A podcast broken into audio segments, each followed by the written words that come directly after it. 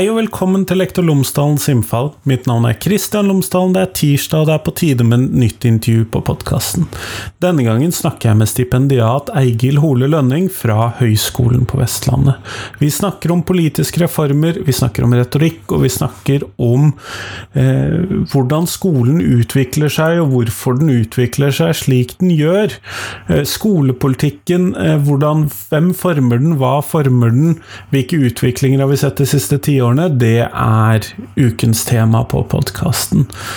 Og så er det jo selvfølgelig sånn at eh, podkasten som alltid er sponset av Fagbokforlaget, og Fagbokforlaget utgir bøker og digitale læremidler for hele utdanningsløpet, fra barnehage til høyere utdanning og profesjonsstudier.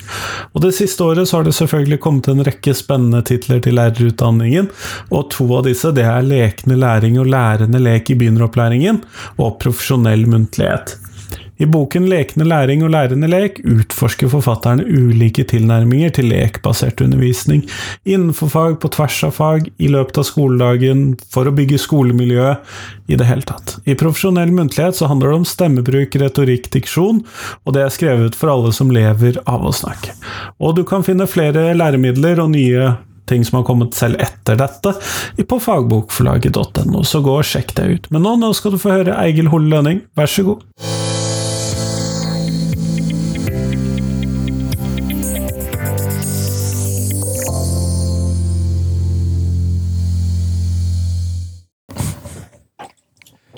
Eigil Hole Lønning, tusen takk for at du har tatt deg tid til meg i dag. Jo, jo, min glede. Før vi kommer sånn ordentlig i gang, så hadde jeg håpet at du kunne fortelle lytterne mine tre ting om deg selv, sånn at de kan få bli litt bedre kjent med deg. Ja, det er jo et uh, sånn wonder question som du alltid får spørsmål om i, i, i arbeidsintervju og sånt. Men jeg, uh, ja, jeg er utdanna lærer uh, før jeg tok mastergrad i pedagogikk og undervisningsvitenskap. jeg er for tida representant for stipendiatene oppe på høyskolen på doktorgradsprogrammet på lærerutdanningen der. I lag med en kollega. Og eh, så Jeg lurte på litt hva, hva, interesse kan jeg fortelle om. Men jeg fant ut at det er det jeg bør informere om at jeg har for mange interesse til at hverdagen går opp. I know the feeling. eh, og det vi skal snakke om i dag, er doktorgradsprosjektet ditt. Tror jeg vi skal mm. ta det som utgangspunkt. Og hvis du vil si litt i korte trekk, hva er det du jobber med? Ja, nei, Jeg eh, jobber for tida med ja, en, en doktorgrads eh, altså monografi eh, som tar for seg eh, retorikk og praksis innenfor lærerutdanningsreform. Da. Så hvordan blir polit, eh, den politiske reformen kommunisert og retorisk innramma?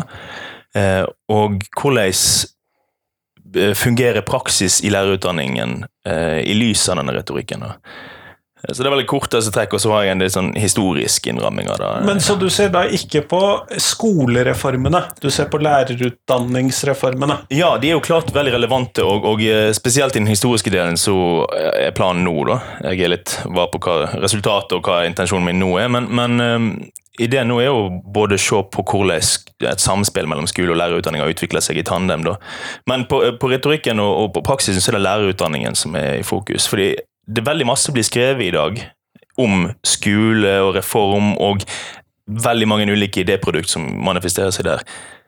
Eh, og En del også skrev om lærerutdanning, men ikke i nærheten av like mye. merker jeg. Og Det er interessant å se på hvordan fungerer lærerutdanneren som en egen aktør i dette sånne landskapet. her da.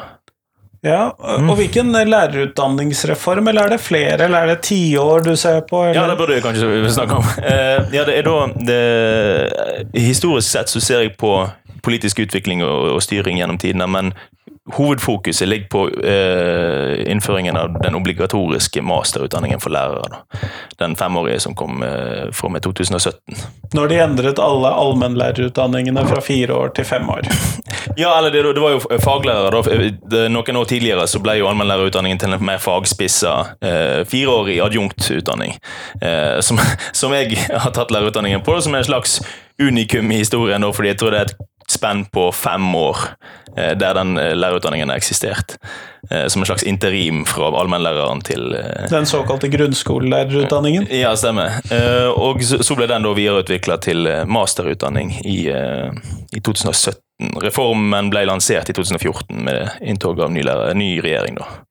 Så tar det jo litt tid før man eh, klarer å få de første studentene gjennom et sånt løp osv. Stemmer det. altså den, siste, Det første kullet med den utdanningen ble jo nettopp eh, for, ja, nettopp eh, uteksaminert. Og det var jo et eh, ganske gyllent snitt for å forske på dette, syns jeg. da. Men er det da begrunnelsene som politikerne har for de endringene de gjør, du ser på, eller hvordan blir det? Ja, det er en, en god del av det. Begrunnelsen, argumentasjon. Men målet her er å komme til eh, hvor, hvilken virkelighet er det som blir kommunisert eh, retorisk rundt eh, hvordan eh, lærerutdanning, skole og utdanning generelt fungerer, og hvordan lærerutdanning, skal plassere seg i dette. Da. Så ja, det er, Vi får se hvor djupt filosofisk vi går inn i det, men på en måte, det har mye til felles med diskursteori. på en måte. Men ja, det handler om hvordan politikeren f.eks. etablere problem og løsninger. Det handler om hvordan På et dypere nivå hvilket forhold lærerutdanneren og læreren og eleven gjerne har til kunnskap, og, og, og hva som må skje. Altså, hva som er status quo i dag, og hva som må skje videre. Og Da får du en ganske dyptgående eh, egenteori kan du si, i politikken for hvordan eh, utdanning fungerer og bør fungere. Det høres ut som et hva skal vi kalle det, krevende kart å tegne, da. Ja, ja, ja. Og, og jeg må være veldig tydelig i sin avgrensing, og det er jo kanskje den fasen, i tillegg til den retoriske analysen jeg er inne i nå, da. Um, en bør avgrense seg på hva en vil se på i den konkrete reformen. Men så er det òg en, en, grunn til at jeg ser på historisk, og det er at jeg må, jeg må forstå eh, retorikk og forståelse i dag i lys av historiske endre, endringer. Da. Men, da, men, da, går jeg ikke i dybden på hver eneste, eh, hver eneste politisk dokument, men da går jeg heller inn i, i antologier og, og, og så ved behov går jeg inn i konkrete dokumenter. Så du kan si at I en historisk del så tar jeg for meg de store paradigmeskiftene i politikk og, og utdanningstenkning. Eh, men i denne så ser jeg på og hvordan nøyaktig hva slags meningsgrunnlag og, og verdensbilde blir kommunisert og forsøkt å overtale. Og, ja. Mm. Det som jeg syns er litt Og nå for oss å gå til liksom hvordan dette her er relevant for verden, da. Mm. Eh, Forsøksvis. Det er mulig du tenker annerledes enn meg. Eh, men etter at jeg kom inn i lærerutdanningen selv, mm. det var først da jeg begynte å tenke over at vi snakker veldig ofte om ting som skal inn i skolen, mm. men så snakker vi veldig sjelden om at disse tingene må inn i lærerutdanningen, og for at de skal komme inn i lærerutdanningen, så må de inn i rammeplanene for disse Um, utdanningene, og disse rammeplanene er forskrifter, og de eksisterer der som politiske dokumenter som mm. ingen maser så veldig mye med, Nei. annet enn innimellom. Mm. Uh, og så glemmer vi da, når vi skal innføre ting i skolen, så kan man diskutere om vi skal innføre ting i skolen hele tiden, mm. ja, uh, men vi glemmer da å tenke på at noen må fortelle dette til lærerne, og dette noe må skje i lærerutdanningen. Ja, ja, der er det ganske masse å, å, å pakke ut, og, og, du kan arrestere meg eller stoppe meg opp og peile meg inn på riktig spor hvis jeg sporer av. Men, men, ja, det som sier, altså, skolen og lærerutdanningen lever jo et tandemspill på utvikling. og Ofte ser du at reformer som, som blir introdusert på, på skolenivå, får direkte følge noen år senere på, på lærerutdanning. Eh, med, med, noen unntak. Men, og så ser du at og, og reformene har jo vært så mangfoldige, spesielt siden 90-tallet, eh, at, at en kan jo bli forvirra av eh, Mindre. av mindre. Eh, og nettopp som du sier, da eh, Grunnen til at jeg også ser ser på praksis, ikke bare på retorikk, jeg, på grunn av en bok jeg las uh, når jeg var ferdig med masteren min, som heter 'How Schools Do Policy', av Stephen Ball, jeg heter Brown og jeg heter Maguire. da.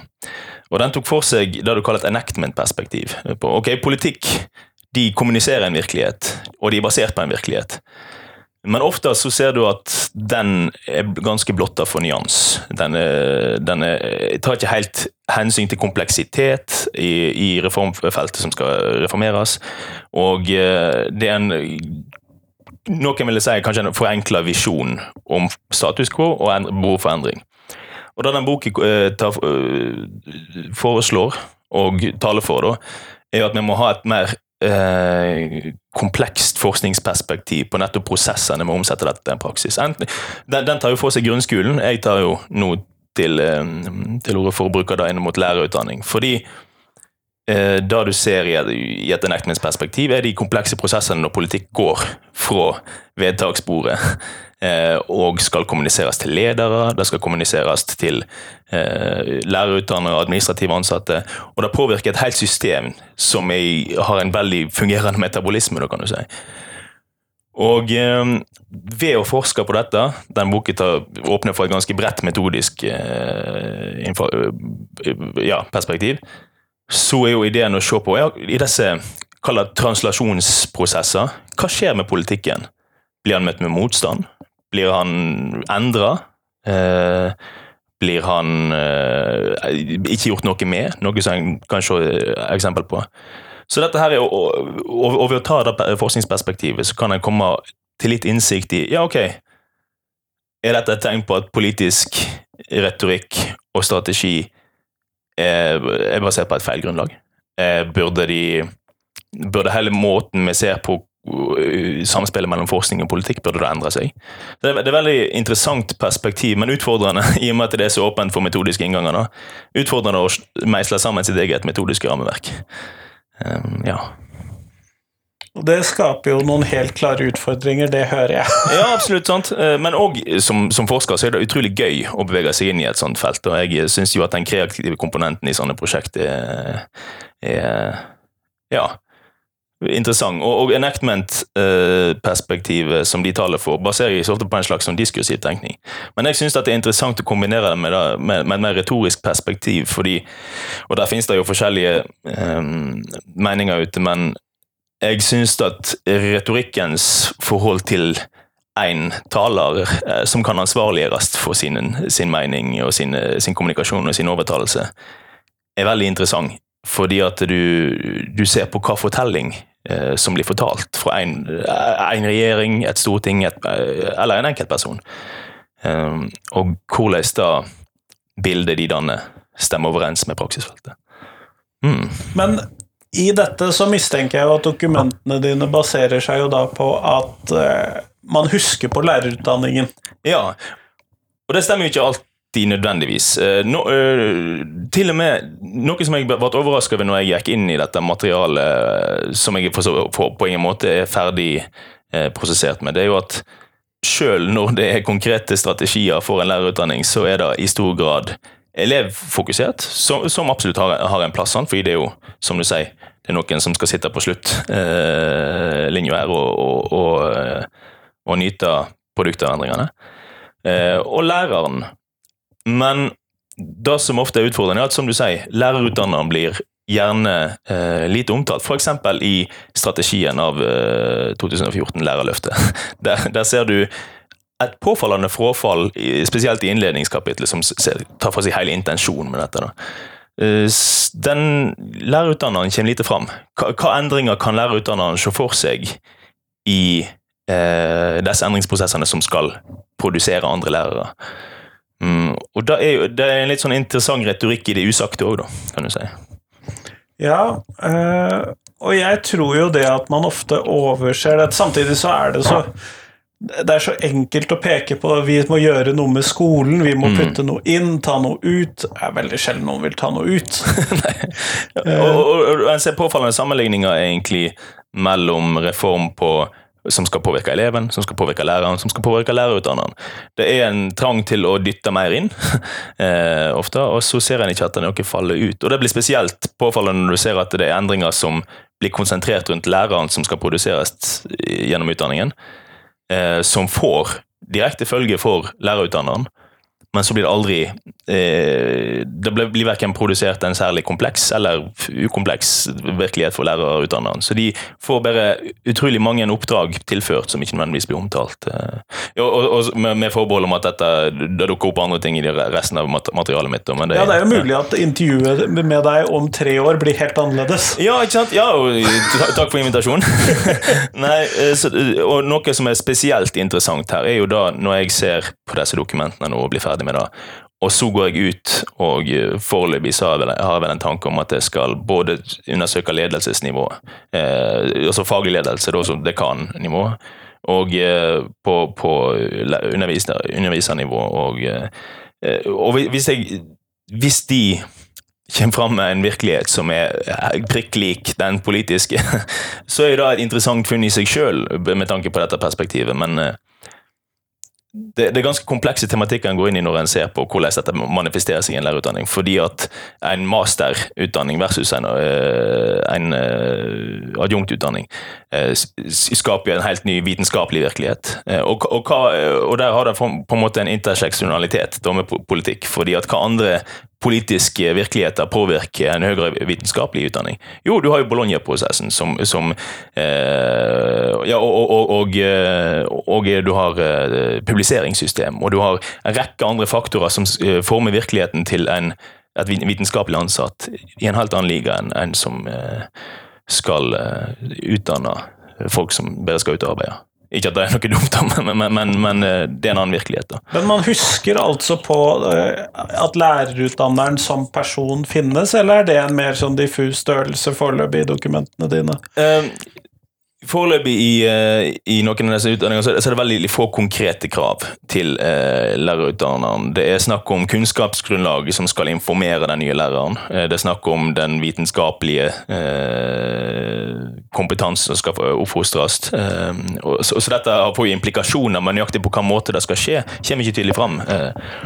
så det er et ganske åpent bilde da, på mange måter? Ja, med alle forbehold, selvsagt. Og så Eh, så, så, og her ser du jo at uh, i disse innrammingene av uh, lærerprofesjonen, som får følge for, for, uh, for lærerutdanneren, så er det utrolig mange andre komplekse spørsmål som stiller seg. Ok, vi skal være uh, Torbjørn Isaksen i 2014 kommuniserte at det er et problem at, at læreren i skolen i dag ikke evner å forske på egen praksis. Ja, ok, resultat, eller løsningsforslaget, er at vi skal styrke vitenskapeligheten i eh, læreren. Eh, spørsmålet fordrer seg da hvilken vitenskap? Hva vitenskap blir, blir gitt status i dette systemet her? Og, da, og, så kan du se det i sammenheng med sånn som vi fører politikk, fordi at de som har omtalt eh, utdanning gjerne før, sier at du kan forstå det på veldig mange måter. Du kan si Eh, skal læremateriale i timen være forskningsbasert? Skal personellet som underviser være forskningsbasert? Men så er det òg eh, styringen av yrket eller eh, utdanningen. Skal den òg være forskningsbasert? Og da, da, da, da, kommer det inn en helt annen liga av diskusjon, fordi hvordan definerer du forskningsbasert politikk som informerer det? Jeg vet faktisk ikke hva du snakker om når du kaller noe for forskningsbasert politikk. Ikke sant? Ikke sant? Og, eh, vi som arbeider litt med forskning, vi, vet jo Vi har en viss skulering i, i, hvor mange ulike måter du kan eh, praktisere forskning på, hvordan en kan forstå forskning, eh, og hvilken status det får. Og da du ser f.eks. i politikk på utdanningsfeltet, da ser du jo innimellom at det får en slags sånn bevisstatus på hvordan ting fungerer. Eh, noe som kan være utfordrende i et så kompleks sosialvitenskap som utdanning er. Fordi at med litt sånn som enactment-perspektivet legger til grunn, så er eh, utdanning preget av kompleksitet. Eh, å sette to streker under et svar, det er ikke alltid lett. og da ser du at når du ser på sirkelen om at praksis skal være forskningsbasert, og utdanningen skal være forskningsbasert, og politikken påberoper seg selv å være forskningsbasert, da har du et, en eh, god floke å Ylnes oppi. Det høres ut som man forsøker seg på å legge veldig mye tyngde til grunn for de påstandene man kommer med, eller ønskene man kommer med for disse utdanningene.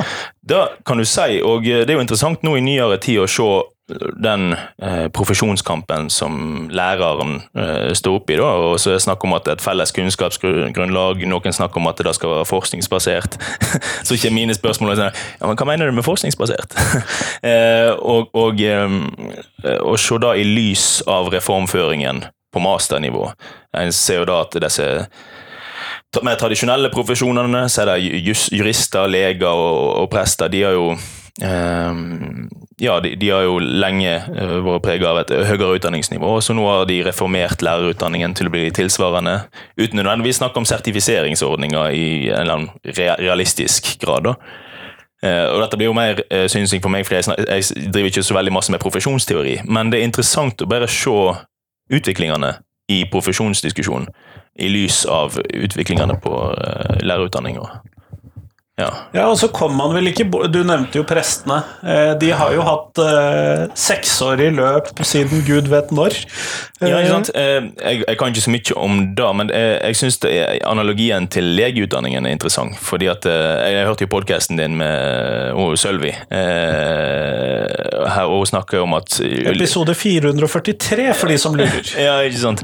Eh, og den var jo interessant fordi, for meg, fordi at hun er jo djupt inne i den politiske diskursen gjerne, om disse, og så sammenligner hun med Gjerne i et litt optimistisk lys da, med, med legeprofesjonen og sånt, at det, det er mye å hente der.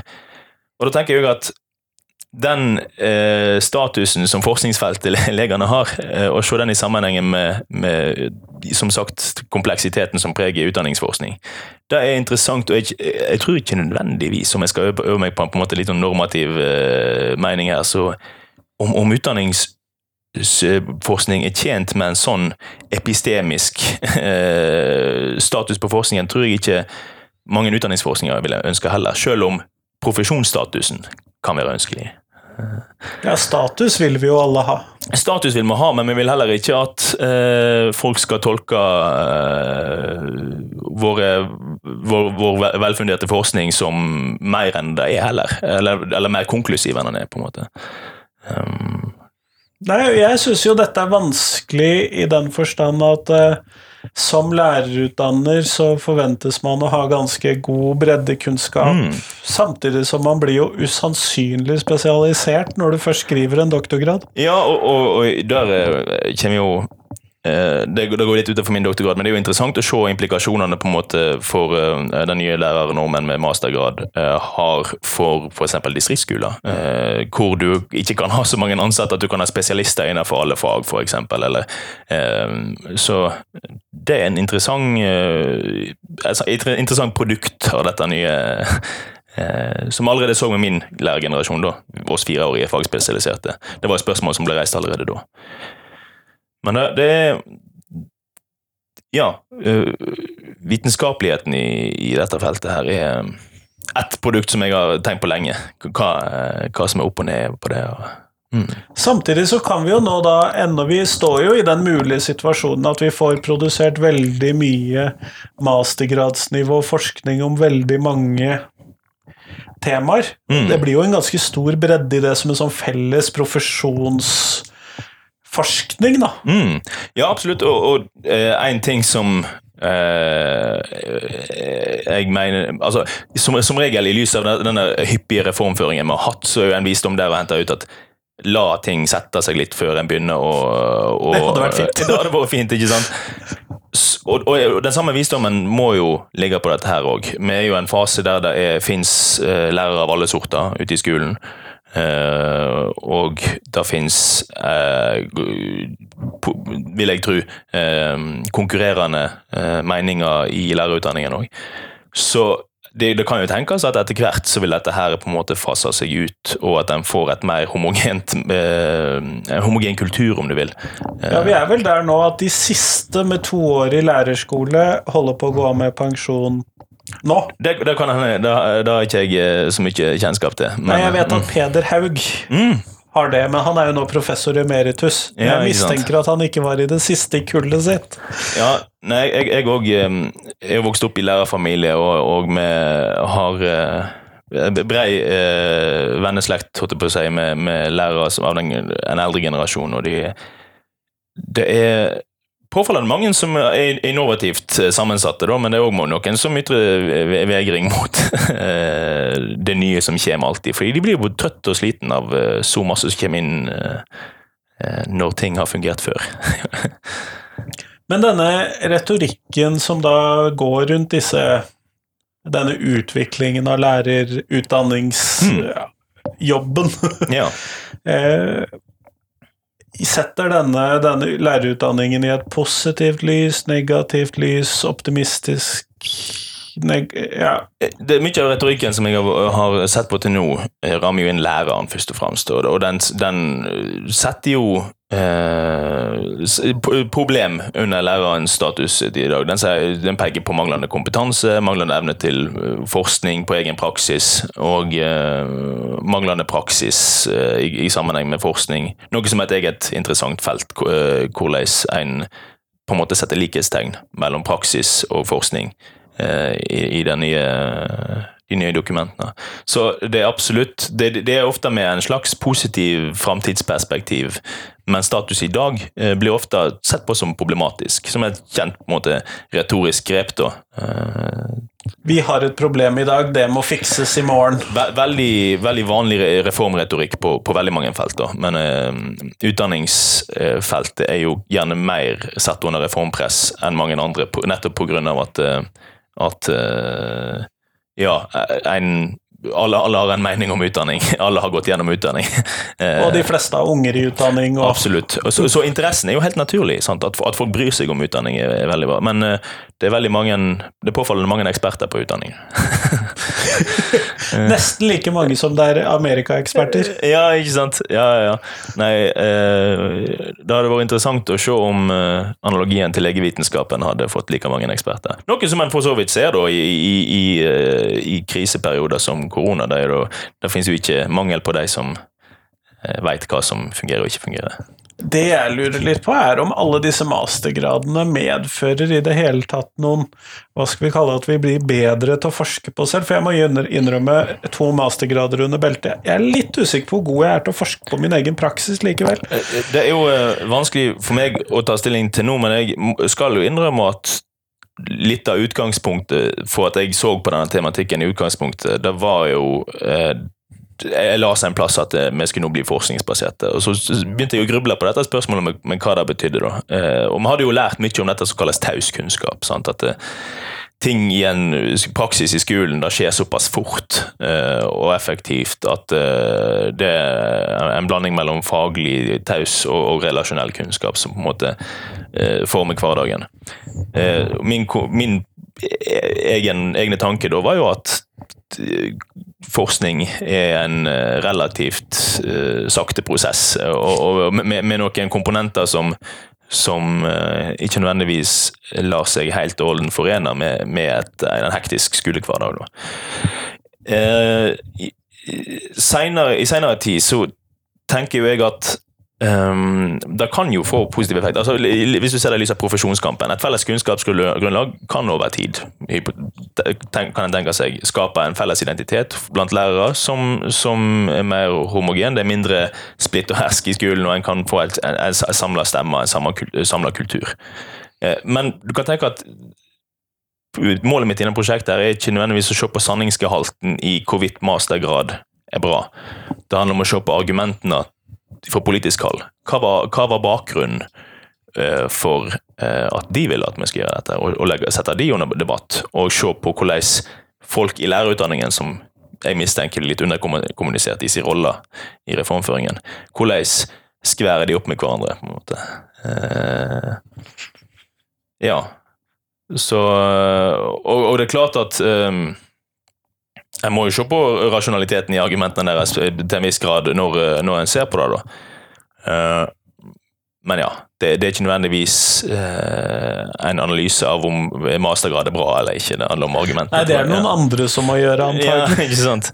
Men det er noe med det der likhetstrekkene som settes i denne retorikken, som jeg Mm. Syns blir litt vanskelig sett utenifra, og så må jeg jo da høre på hva du sier når du Mm. da setter deg inn i dette og fordyper deg i dette. Ja, ja. Særlig når du har kommet ut på andre siden. Mm.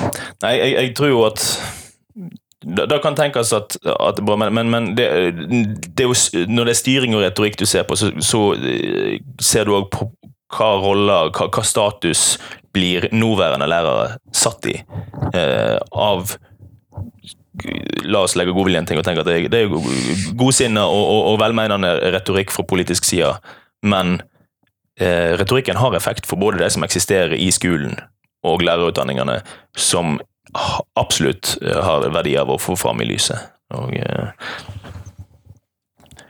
Eigil, jeg har lyst til å gå litt tilbake til dette hva skal vi kalle det, problemorienterte nåtidsfokuset. mm, Og så kommer jo dette, og dette ser vi jo, dette er jo ren, hva skal vi kalle det, reformretorikk, som jeg tror du kalte det i stad. Um, så er det jo alltid det er et nytt problem å løse. Ja.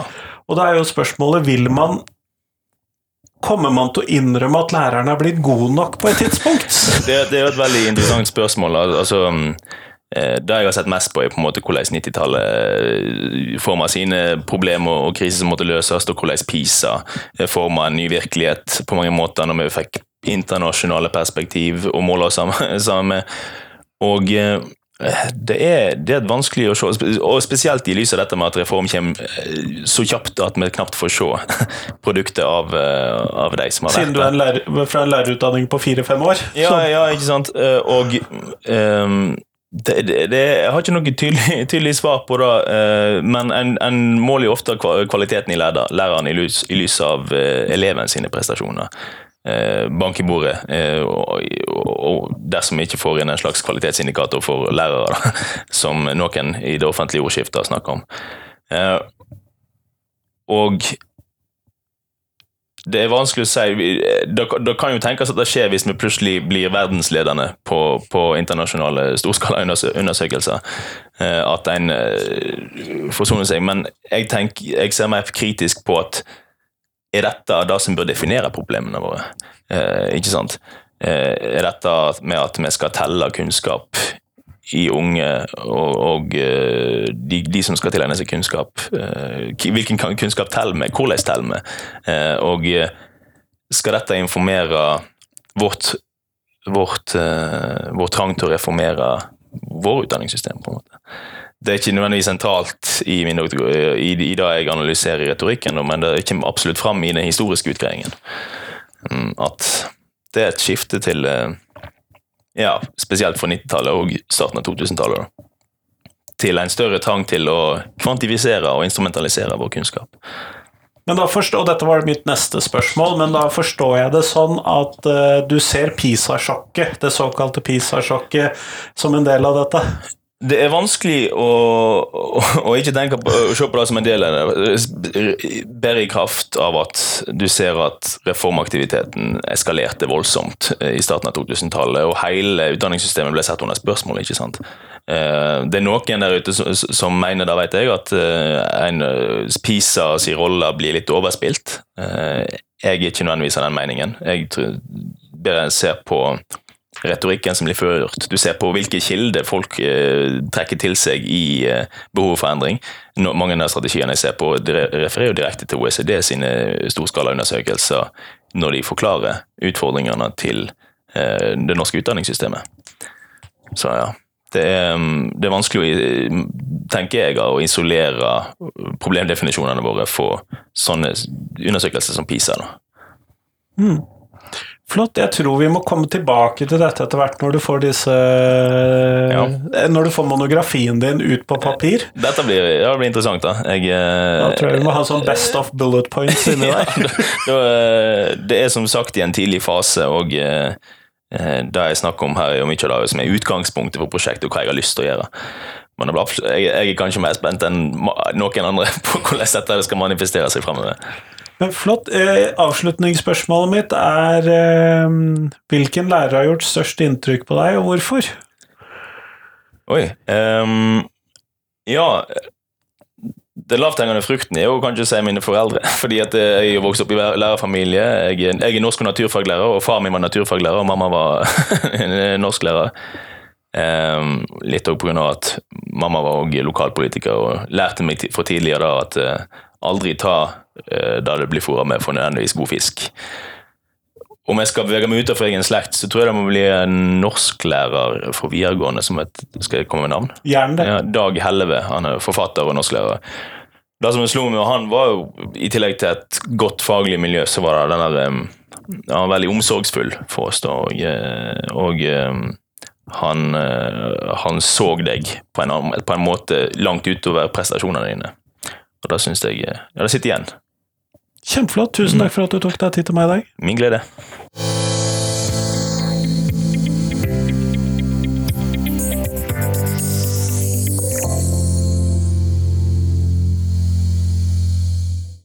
Tusen takk til Eigil, og tusen takk til deg som har hørt på. Nå er det en uke fram til det kommer en ny episode på podkasten, og det gleder jeg meg selvfølgelig til som vanlig. Og denne gangen tenkte jeg at du faktisk skulle få lov til å vite hva det var for noe. Og neste ukes episode er en episode med Geir Holtan Møller ved Telemarksforskning og Marie Lisbeth Amundsen ved Universitetet i Sørøst-Norge, og de snakker om skolevegring, skolefravær og mestring. Hvilke skolefaktorer er det som gjelder ved det? Så det håper jeg du vil synes spennende. Ellers, podkasten er som alltid vel, den er laget av meg, og jeg er sponset av Fagbokforlaget, men jeg trenger ideer til hva jeg skal la podkastene handle om. Nå har jeg spilt inn episoder til og med siste episoden i april, sånn at det er jo behagelig for min del, men hva skal den handle om etter det? Og så er det selvfølgelig sånn at det kan jo hende at det lurer seg inn noen ekstraepisoder på fredager istedenfor repriser. Sånn at det gir meg tips, eh, både evigvarende temaer eller ting som haster litt og som må ut en kjapp fredag. Så send meg tips. Men nå får du ha en fin uke. Hei, hei!